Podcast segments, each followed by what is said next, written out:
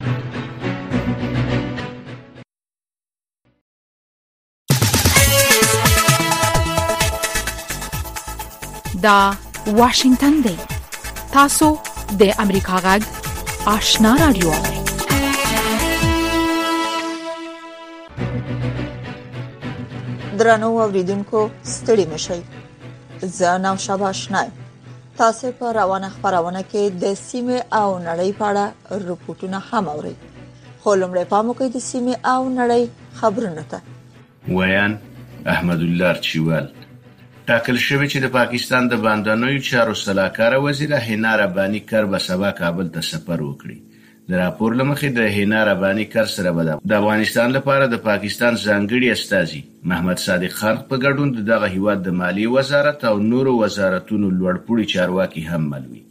یاد پلاوی به د طالبانو د باندنیو چارو د وزیر امیر خان متقي او نورو طالب چارواکو سره په دوه اړخیزو چارو خبرې وکړي. طالبانو کابل ته د پاکستاني پلاوي د سفر په اړه تر اوسه څه نه دي ویلي. د طالبانو د کډوالو چارو وزارت وايي، ایران د هرات له لارې تر درې زره ډېر افغان کډوال افغانستان ته شړلي، په دې کې دوه زره او څلور اتیا کسه کډوال د شپږ نوي کورنیو په بڼه شړل شوي او تر یو نیم زر ډېر مجرد کسان هم په کې دي. دوی د اسلام کلا او ابرېشم پل له لارې افغانستان ته شړل شوي. ایران نږدې هره اونۍ سلګونه او ان ځینې وخت زرګونه افغان کډوال خپل هېواد ته استوي. د طالبانو د کډوالو وزارت پر ټویټرپاڼه لیکلي، چې تېره اونۍ هم نږدې دوه زره افغان کډوال د نیمروز له لارې افغانستان ته استول شوي وو. د زابل په سیوري ولسوالۍ کې شاوخوا دوه سوه کسان د تور ټوخي، تورې غاړې، په ناروغۍ اخته شوي، چې له دې جملې دوه کوچنیان مړه شوي. د زابل د عامې روغتیا رئیس ډاکټر عبدالحکیم حکیمي ازادۍ راډیو ته ویلي، چې یو روغتیايي ټیم سیمې ته رسېدلی، ترڅو د ناروغانو درملنه وکړي. د حکیمي په خبره، د دې ناروغۍ د خپرېدو د مخنیوي لپاره ناروغانو ته لارښوونه شوې چې د روغتیايي ټیمونو د لارښوونې سره سم د څو ورځو لپاره له خپلو سیمو ونه وځي. د خیبر پښتونخوا په بنو کې د جاني خېلو جرګې حکومت د دوی سره په کړي تړون د نه عملي کولو تورن کړي. د جاني خېلو مشرانو په یوه جرګه کې ویلي، چې د خیبر پښتونخوا حکومت په دوه زره یوویشت کال کې د دوی د پرلت په پایله کې ورسره تړون کړی و چې هلته به امن راولي، پرمختیایي کارونه به کوي او پر قبایلي مشرانو جوړې شوې دوسیې به ختموي. له امریکا غږ څخه خبرونو ته دوام ورکوو. د اوکراین د اټومي انرژۍ د دولتي ادارې مشر وايي، روسي ځواکونه ښايي د زاپوریژیا له اټومي تاسیساتو څخه د وتلو لپاره چمتووالی نیسي. پټرو کاټین ویلي چې په دې اړه یې ځینې نښانې لیدلي. خبري اژانسونه راپور ورکوي چې د روسیې دا کار به د اوکراین په ختیځ کې د جګړې په ډګرونو کې لوی بدلون راولي. د مارچ په میاشت کې روسي ځواکونو پر اوکراین تر یرغل څو اونۍ وروسته د زاپوریژیا اټومي تاسیسات ونیول. د چین په شانګهای کې د لاریونوالو او پولیسو ترمنځ شخړه شوې. د چین په تر ټولو لوی او د نړیوالې سوداګرۍ په ښار شنګهای کې دغه مدني حرکتونو په تېره یوه لسیزه کې چې ولسمشر شي جین پینګ واک ته رسېدلی، بې ساري بلل شوي. په ټول چین کې خلک د ولسمشر د هغه تګلارې په اړه ناهیلي دي چې نژدې درې کاله وړاندې یې د کرونا د صفر کولو په تړاو لاسلیک کړه. د نړۍ په دغه دویم لوی اقتصادي هېواد کې لا هم کرونا ورځ تر بلې خلکو ته درانه تلفات اړوي. پر شنګهای سربېره مظاهره چیان پرون د ووهان او ښېګڼډو ښارونو سړکونو ته هم راوتلي وو او په پوهنتونونو کې محصلانو هم د شنبې او یکشنبې په ورځ مظاهرې وکړې. د سومالیې په پلازمېنه موګادېشو کې پولیس وايي، د الشباب وسله والو پرون ناوخته د ولسمشرۍ ماڼۍ سره نږدې په یو هوټل برید کړی. په دې اړه زما همکار راپور راکوي. پولیس وایي چې د هوټل ته اکثریت سیاستوال او حکومتي چارواکي ورځي. د سومالي د ملي پولیسو ویاند صادق دودیشي د برید په هکله په اعلامیه کې ویلي دي چې د الشباب وسلوالو نن شپه د باندهيري په سیمه کې په یو شخصي هوټل باندې برید کړی او امنیتي ځواکونه سیمې ته ورغلي چې دا وسلوال لمنځه یوسي عیني شاهدانو د پیښې په ځای کې د چاودنو او دزو غږونه اوریدلې دي خو د مرګ ژوبلې پاکله تر دې دمه سندې ویل شوی غورځنګ، د امریکا غږ، واشنګټن. د لوبو له ډګره وروستی خبر دا دی چې د کرکټ نړیوالې شورا بېګا ناوخته افغانستان د دوه زره درویشت کرکټ نړیوال جام ته د مستقیمې لارې پیدا کولو اعلان کړی. افغانستان دمګړۍ د سوپرلیګ په اووم مقام کې دی او دا اوه واړه لوبډلې نړیوال جام ته وتلي. افغانستان له سریلانکا یوه لوبه ګټلې، یوه یې د باران په خاطر بشپړه نه شوه او سبا به وروستۍ لوبه ورسره لري. افغانستان د کرکټ په سوپرلیګ کې چې موخه یې مستقیماً نړیوال جام ته د اتو ټیمونو وتل دي، له دیارلسو لوبو یولس ګټلي او یو سل او پنځلس نمرې لري. دا وو د دې ساعت خبرونه چې تاسو ته هم په واشنګټن کې د امریکا غږ له سټوډیو وړاندې کړل. د سیمې او نړۍ خبرونه مو واوریدل په هغه موقع د سیمې او نړۍ په اړه رپورټونه ده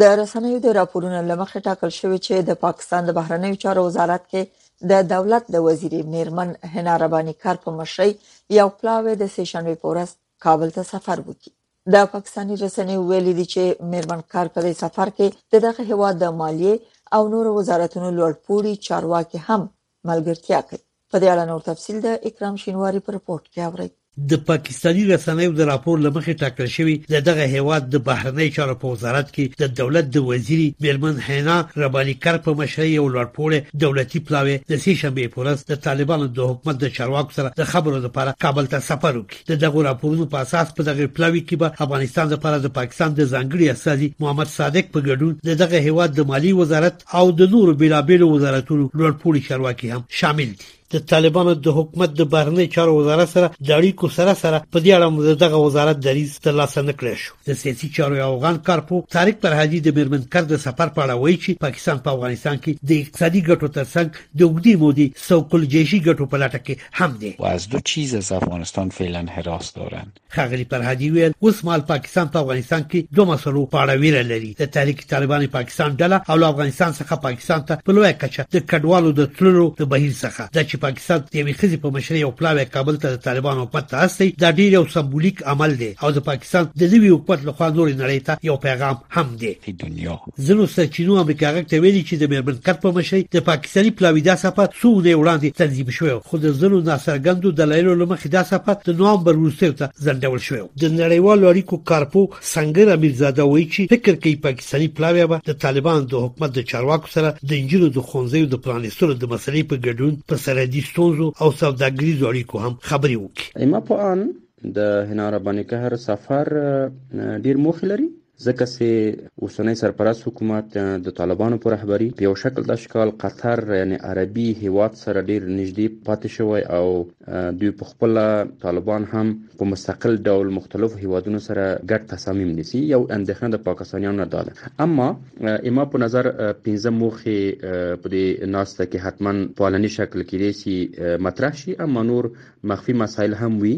یو خو د دنیا پیام سرپرست حکومت او طالب مشرانو سره شریک کیږي چې په هغه کې د انجونو د مکاتب خلاصولو مسله هم دی پاکستاني پلاوی په داسې حال کې کابل ته سفر کوي چې نږدې دوه اونۍ وړاندې د پاکستان د بهرنیو چارو وزیر بلاول بوټو زرداري اسلام آباد کې خبریالان سره په خبرو کې ویلي چې نړۍ د اجماع پرته به په افغانستان کې طالبان حکومت په رسمیت ونه پیژني هغه دا خبرداري هم ورکړې و چې د طالبانو لپاره د نړۍ حوصله مخ په کمیدو ده د پاکستاني سرچینو د معلوماتو پر اساس د نورو دوړخیزو مسلو ترڅنګ د افغانستان او پاکستان ترمنځ د سوداګرۍ مسله هم د میرمن کر د سفر په اجندا کې شامله ده اوس مال پاکستان له افغانستان څخه په لوی پیمانه د ډبرو سکارو واردوي چې د سرحدي ستونزو لامل اکثره د سکارو بار لاري په ورځو ورځو د سرحد په وګړو کې بندي پاتې کیږي د افغانستان د سوداګرۍ او پانګونې د خونې د مدیره پلاوي غړی خانجان الکوزی وایي د سرحدي شخړو له امله د دواړو هیوادو سوداګرو ته ډیر زیات زیان رسیږي ته د موږ څو څو ځله د عرض کړی د پاکستاني مقاماتو ته هم چې تاسو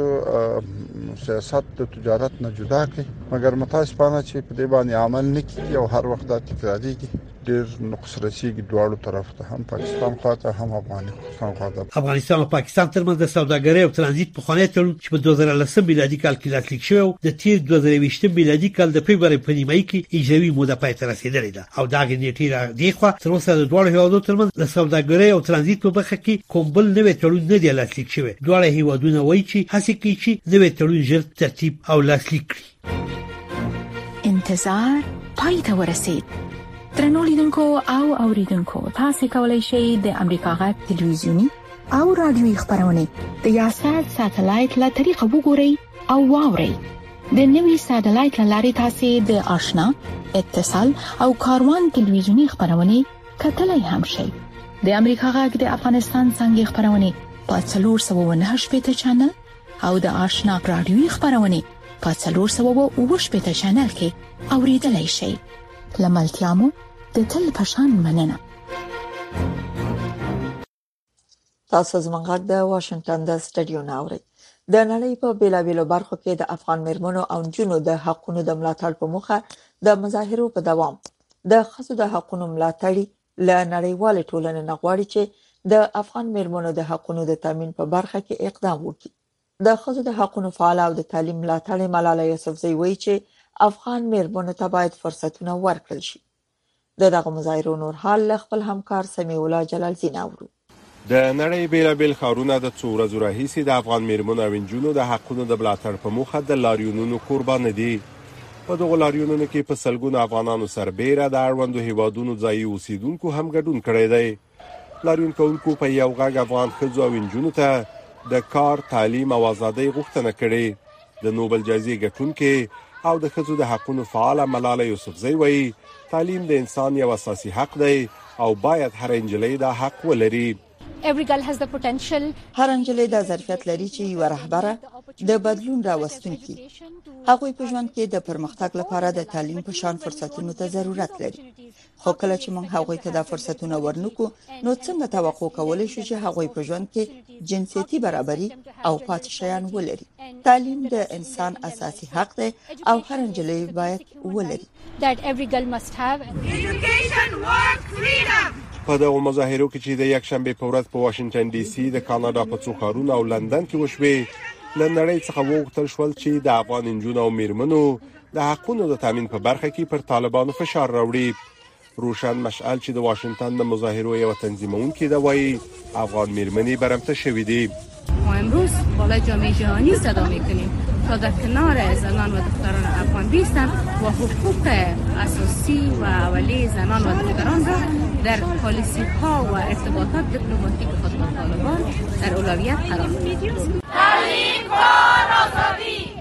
په کاناډا کې که څه هم هوا ډیره سړه وه او واوره وریدله خو افغان میرمنې راووتلې او په افغانستان کې میرمن او انجونو ته د هغوی د حقونو د ورکړې غوښتنه وکړه د مظاهرو یوې ګډونوالې له نړۍ وغوښتل چې افغان میرمنې هېرې نه کړي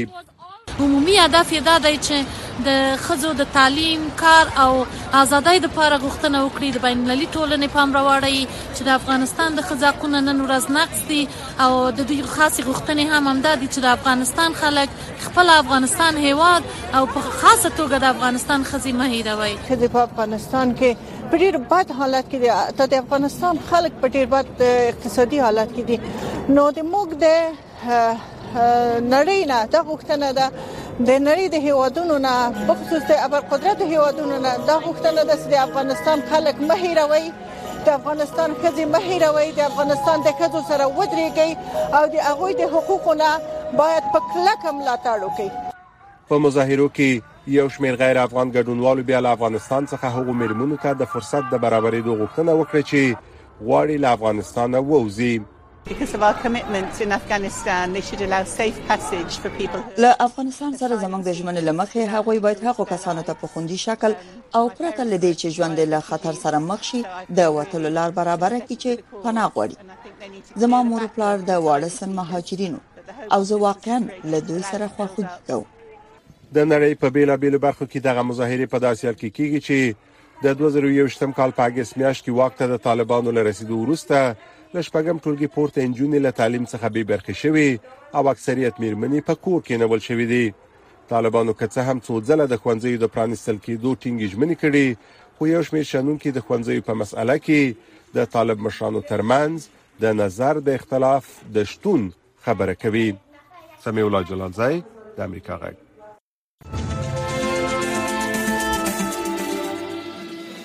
د امریکا غږ آشنا رادیو درنو اوریدونکو تاسو کولای شئ د امریکا غږ آشنا رادیو خبرونه په منځنوي سپو 12 شپږنوي او 902 کیلو هرتز او لنډ چپی 11515 یا باندې واوري دا د امریکا غږ آشنا رادیو د تاسو د سیمې او نړۍ په اړه رپورټونه اوري د پاکستان نوې پوځي مشرتابه به د افغانستان، امریکا او هند سره د یاد هیواد په اړیکو کې کوم بدلونونه راولي؟ دا پوښتنه ځکه کیږي چې پاکستان کې د پوز په اوسنیو جنرالانو او تلونکي پوزي مشر جنرال قمر جاوید باجوا نیوکه کیږي چې په کور دننه او بهر بې ځای لاسوهنې کړې دي پوځ هم وایي ځینې غلطیانې ترې شوي خو آیا پوځ په افغانستان کې لاسوهنه او د طالبانو سره اړیکې غلطې یا تیروتنې ګڼي شاهناز نفیس په دې اړه رپورت لري د سو ورځو ګنګوسو وروسته د پاکستان صدر اعظم شهباز شریف بلاخره جنرال عاصم منیر د پاکستان د پوز د مشر په توګه وټاکو په دغه ځواکمنه چوکۍ باندې د پاکستاني سیاستمدارانو جګړه ښکاره و او پر رسنو کې د پوز د مشر جوړیدلو د پاره د پوزي جنرالانو ترمنځ په پټ سیالو او اختلافونو باندې زړور او توده بحثونه هم کېدل په دې بحث کې په دې خبرې هم کېدلې چې آیا پوځي مشرتابه کې بدلون به د امریکا، هند او افغانستان یا طالبانو سره د پاکستان په تګلارې کې کوم بدلون راولي؟ نه دی خیال د فوج خپل یو مفادات دي کارپوریټ یا ارګنایزیشن مفادات دي د پاک فاټا کې افغانستان سره یا طالبان سره تعلقات دا ټول چې دا یو ما ما نه خیال چې دی کې بس تبدیلی راځي او او د دې اسم هندلینګ چې دا آی اس آی کوي مطلب دا ریلیشنشپ او اپریشنلی وی کده انټيليجنس معاملات زمانه د خیال چې دا پالیسی به چینج شي د پاکستان نوې پوځي مشر جنرال عاصم منیر د 2019 راسي د پوز د دوو مهمو استخباراتي ادارو آی اس آی او ایم آی مشر او د کورس کمانډر هم پاتې شوې دي په پا پاکستان کې د نننه او بهر په دواړو استخباراتي ادارو په افغانستان کې د لاسوهنې تور دی او افغان طالبانو کې خپل او ځینې داسې دي چې هغه د پاکستان ته نږدې دي او لکه څنګه چې حقاني شفق دغه دي ګروپ ته یا بل ګوند دی یا بل طرف ته چې کوم قنداري دی هغه لکونته کې لري ځاني صاحبای د رائټرز خبري اداره د سیډونکو لخوا لیکي چې جنرال عاصم منیر تلونکي پوځي مشر جنرال قمر باجوه ته نږدې دی او کې دې شي د پاکستاني طالبانو سره خبري رواني وساتي افغانستان د ترڅو پورې چې په رسمي تور پیژندل دي دا غي د پاره په پاکستان د یو سہولتکار او دنیا تبا د افغانستان د رسمي تور پیژندلو لپاره کوشش ضرور کوي البته افغانستان سره به خپل د خصوصا طالبانو نه چې کومي د دنیا غوښتنې دي د پاکستان بل جنرال ساحر شمشاد مرزا د ګډو ځواکونو د مشر په توګه مقرر شوی دی نو موړې د افغانستان په اړه د همکارۍ په سلور اړخیزه ډله امریکا چین افغانستان او پاکستان کې مهم رول لوبولې خو افغان څېړونکي داسې فکر نه کوي چې د پاکستان پوځي مشرتابه سره به افغانستان تګلاره کې بدلون راشي. ځکه د پاکستان افغان پالیسي د یو شخص یا فرد تګلاره نه ده، بلکې دا د پاکستان د حاکم پوځي اسټبلشمنټ هغه تګلاره ده چې دوی د خپلو نظامي، استخباراتي او د جیو سټراټیژیک ګټو لپاره یو کمزوری او بې ثباته افغانستان غواړي او په افغانستان داسې حاکمان غواړي چې یا خو مستقیم د دوی تر اثر لاندې وي او یا دومره کمزوري وي چې دوی ته محتاج وي او دوی وکولی شي چې په دې منطقه کې خپلې ګټې خوندي کړي. په یو ریپورت کې د بشري حقوقو د سار اداره وایي چې کله نوې پوځي مشر جنرال عاصم منیر د آی اس آی مشر وو نو پاکستان کې د اختلاف لرونکو او ناراضه ډلو لپاره جون ګران شوی وو نو زما غ گرفتاری چې کوم کیسه شو وا هغه کیسه کوم وګورو یا د خړکمر واقع وګورو یا د خړکمر نه اله یو هفته مخکې ما مده چې کوم په کوم مقدمه جوړ شو وي نو دا د عاصم منیر په دور کې جوړ شو وي نو آی کمال تاسو سوال ته وسوګی چې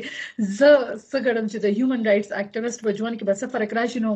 ماته نشته پته چې آیا اوس د دای پالیس د عاصم منیر پالیسی بوز بدل شوی یا نه به بدل شوی د آیا اوس هغه پښتنو سیمو ته یا کوم هیومن رائټس اکټیویست دي هغه اوس کم نظر باندې ګوري نو سویل په دې ټیم کې ګران دي د پاکستان نوې پوځي مشرتابه په داسې وخت کې د دفاع واګي په لاس کې اخیستي چې سیاستمداران فوج په تیرو ټاکنو کې په ورغلې او د افغان طالبانو سره په اړیکو ساتلو تورنوي او د پاکستان په پا پارلیمان کې هم څو واره دا خبره شوې چې د یاد هیواد بهرنۍ تګلارې د پاوس په منګولو کې ده شیناز نفیس امریکا غږ واشنگټن ټول د حقایقو د پیدا کولو په لټه دي امریکا غږ په نړۍ کې د موثقو معلوماتو په برخه کې نړیوال شهرت لري امریکا غږ په نړۍ کې د ټولو لپاره د خبرونو باوري سرچینه ده خلک د نړیوالو مسایلو په حق له جامع معلومات غواړي او امریکا غږ دا معلومات برابروي د امریکا غږ آشنا رادیو یو موثقه معتبره او جامع منبع منځنۍ چپه 1290 او په 15 کارونو کې اف ام 0.15 په افغانستان کې د زعفرانو ګلونه نه یوازې دا چې د نړۍ په کچه د یو ګران بایه پیداوار سرچینه ده د زنو مېرمنو لپاره د امید سمبولونه هم دي تفصيلي په رپورت کې اورئ په سلګونه افغان مېرمنې چې تیر کال د طالبانو د واکمنۍ د وروستي خپل دندې له لاسه ورکړې دي د هواد د زعفرانو په کروندو کې کارونه پیدا کوي زیبا احمدي چې په خوا به په یو بانک کې کار کوي وایي چې د یو کال لپاره په کور کې پاتې کېدل ورته ډېر سخت وو افسردگی گرفته بودیم تو خونه خیلی به حالت بد تو یک سال میشه که واقعا خیلی برای ما همه چیز سخت شده بود کلا این یک ماهی که ما اومدیم اینجا خیلی روحیه‌مون باز شده و خیلی خوشحالیم از این بابت د سلورو ماشومانو دغه مور وایي چې په دې فابریکه کې په کار ډیره خوشاله ده طالبانو تیر کال د 2020 کال د اگست په میاشت کې واک ترلاسه کو د دوی د لومړنیو ژمنو برعکس جونې د منځنیو ښوونځیو او لیسو ته د تګ نه منع کړې په ډیرو برخو کې د خزو په کار بندیز ولګو او امر وکړو چې په عامه ځایونو کې د سرنه تر خپو پورې ځانونه پټ وساتي د هرات د کرنې او اوبو لګولو او مالدارۍ ریاست چارواکي وایي چې د زعفرانو د حاصل فصل چې د دسمبر تر میاشتې پورې دوام کوي پکې زرګونو خزو او جنو ته د کار زمينه برابر شوې ده دا کار د پخوانۍ دولتي کارمندې نسرین هاشمي په څېر مېرمنو ته فرصت برابروي چې یو څه وخت د کوره بهر تېر کړي او یو څه پیسې وګټي. خانه که بودیم غیر از زمین چهار پنج نفر که اعضای فامیل بودیم بیشتر کسا نمیتونستیم ببینیم فقط پدر مادر خواهر برادر و بری فعلا که ما کار میکنیم خیلی با هم خانم ها مصروف کاریم خیلی هم خوشیم. په دې کار کې هغه جنکۍ چې په ښوونځیو کې زده کړې کوي هم شاملې دي. پارکا بسته شد مکاتب بسته شد یعنی زندگی خیلی ناامید شد برای ما ناامید شدیم به زندگی زندگی خیلی برای ما سخت شده بودی که به داخل چهار دیواری زندانی باشی و به خونه بشینی و بیرون نشی از خونه خیلی سخت زندگی کردن خیلی مشکل میشه د زعفرانو فصل لنډ وي په کال کې یوازې څو اونۍ دوام کوي او د ګلونو نه د مصالې ایستلو ټول کار په لاسي ډول تر سره کیږي دا زعفران یو له خورا سختو کرنیزو فعالیتونو نه جوړوي او ورته د سرو زرو لقب ورکوي په دې صنعت کې کار کول په خواني ښوونکي فاطمه اکبر ته د خپل شپږو ماشومان لپاره د نوفکې پیدا کولو یو اړینه سرچینه ده از کار و از معلمی از کار بیرون که بریم یک معاش دریافت کنیم برای اولادا برای خانواده دیگه برو ما قطع شده بود حالی کم کم فکر میکنم یک امیدی برای ما هسته انشالله افغانستان په ټول هیواد کې د زعفرانو کروندې لري او یو کیلو یې د 800 نه د 0 ډالرو پورې پلورل کیږي نظرانه یوسف سي امریکا غک واشنگټن کابل دی که زابل تخار دی که هرات په ټول افغانستان کې د امریکا غږ آشنا رادیو منځنۍ چپه 1290 اف ام 0.15 د امریکا غږ آشنا رادیو نه د سیمې او نړۍ په اړه رپورټونو ته ادامه ورکوم تر دې مخکې چې د امریکا کانګرس د جنوري په میاشت کې په خپل کار پیل وکړي د امریکا د جمهور رئیس جو بایدن حکومت په پام کې لري چې په راتلونکو ونیو کې د اوکرين سره د 10 میلیارډ ډالر په ارزښت مرسته وکړي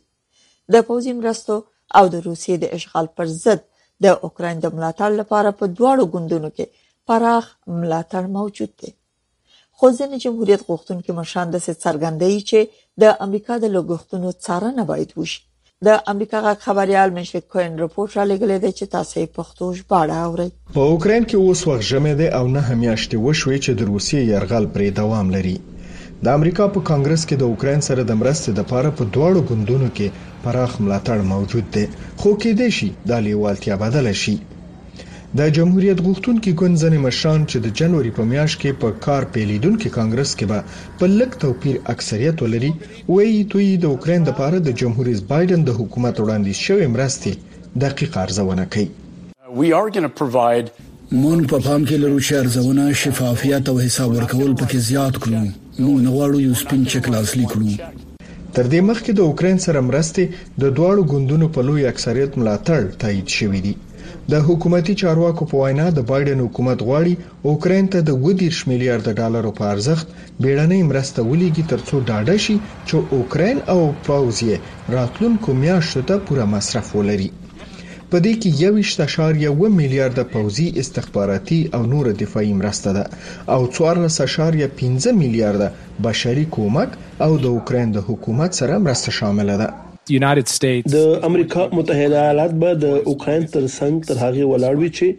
په دې جګړه کې اړتیا وي. اوس چې مخکې ځو، زموږ په ملاتړ کې هېڅ شک، تردید او یا پښېمانتیا نشته.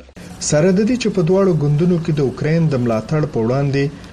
یو شمېر مخالفتونه هم شته، ځینې جمهوریت غوښتونکي د اوکراین سره د پخوانیو مرستو په اندازې انتقاد کوي او شک څرګندوي که ټولې پیسې دغه جګړه ځپلي هېواد ته رسېدلې اوسي. دوی دا پوښتنه هم لري چې د بایډن حکومت په څه ډول اوکراین ته د مرستې په نوم لیږل شوي ډالر څارل. موږ به دا کار د امریکا د ولس لپاره په ډیر مسؤلیت او شفافیت ترسره کړو، ځکه دا د امریکا د مالیه ورکوونکو پیسې دي. دا چې آیا دا موضوع به د اوکراین د ولسي جګړې سره زموږ ملاتړ کم کړي؟ هیڅکله نه، خو موږ غواړو په مسؤلیت یې ترسره کړو. اوکرایني چارواکو ویلي د همدې اونۍ په لومړیو ورځو کې د اوکراین په ختیځ او جنوبي سیمو کې د روسیې په حملو کې د برېښنا زیانمنو شوو سټېشنونو کې تخنیکي عملې کار کوي چې برېښنا بیرته فعاله شي. نن او وضعیت د نړۍ سیمې او د افغانستان پر روانو چارو او د ننني وضعیت په حق لا خبرونه، رپورټونه، مرکې او تحلیلونه هر شپه نه بجې د امریکا غږ آشنا رادیو نه اوري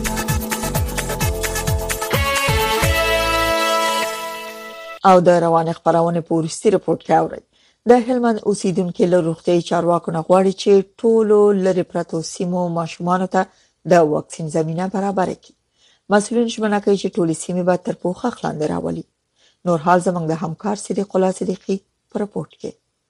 د هلمند ولایت یو شمیر اوسیدونکي د ګوزڼ ناروغۍ په تړاو اندیښمن دي دوی وایي چې په تیرو کلونو کې یو شمیر ستونزو په لیرې پرتو سیمو کې ماشومان له واکسین څخه محروم کړي وه عبدالله خان د موسی کلا ولسوالۍ اوسیدونکی له صحي چارواکو څخه غواړي چې د ګوزڼ ناروغۍ خطر ته په کتو سره لیرې پرتو سیمو ماشومانو ته د پولیو ضد واکسین ورسوي. وروره پخوا خو دا زموږ په وطنو کې جنګونه وه نو ابه دا جنګو په خاطر باندې زموږ ډیر ماشومانو دا کوچنیان چې وه د واکسین څخه پاتیدل اوس خو نو شکر الحمدلله امن دی موږ دا د واکسین په ګټو هم پوه شوي پخوا موږ په دغه هم نه پوهیدلو خو جنګونه وه نو اوس بالا موږ خپل ماشومان ته واکسین ورکوو او موږ د دغه ډاکټرانو څخه غواړو چې دا واکسین واکسین کارونه نور هم ډېر کړي څو زموږ ماشومان د واکسین څخه پاته نه شي. په ورته مهال د هلمند ولایت یو بل اوسېدونکی محمد آصف وايي، د ګوزڼ سره د مبارزې لپاره مناسب شرایط برابر شوي او باید هڅه وشي ترڅو ټول ماشومان واکسین شي. هغه ماشومان چې په تېر جنګونه، اوس خو جنګونه هم ختم شوي دي، جګړې نشته او هغه کوچنیان چې په تېر جنګونو له امله د واکسین څخه بې برخې پاتې شوي باید هغه ټیمونه راسي هغو ته واکسین ورکړي. په افغانستان کې د یونیسف ادارې د پولیو د برخې ویاند سید کمال شاه اغا وايي چې دوی هڅه کوي ترڅو د هغو سیمو ماشومانو ته واکسین ورسوي چې له کلونو راهیسې د پولیو ضد واکسین څخه محرومه پاتې شوي دی له کورنیو څخه غواړي چې د خپلو ماشومانو د روغتیا ساتلو لپاره دې له دې موقع څخه ګټه واخلي په افغانستان کې پولیو له منځه وړلو پروګرام خپلې ټولې هلې ځلې کوي ترڅو د هیواد په ټولو سیمو کې تر هر وروستي ماشوم پورې واکسین ورسوي او هغوی د پولیو ناروغي په وړاندې خوندي کړي نو د کمپاینونو په ترڅ کې میندې او پلرونو هم مسولیت لري دوی مسولیت دا دی چې دوی د واکسین له ټیمونو سره که هغه کور په کور ګرځي هلته مساجدو کې ناست وي واکسین ترسره کوي دوی باید خپل ماشومان ورته راوړي تر څو هغه له واکسین نه پاته نه شي او واکسین شي روغتیا پالان وایي چې ګوزړ هیڅ درملنه نه لري او یوازې مخنیوی د پولیو واکسین په واسطه کېدای شي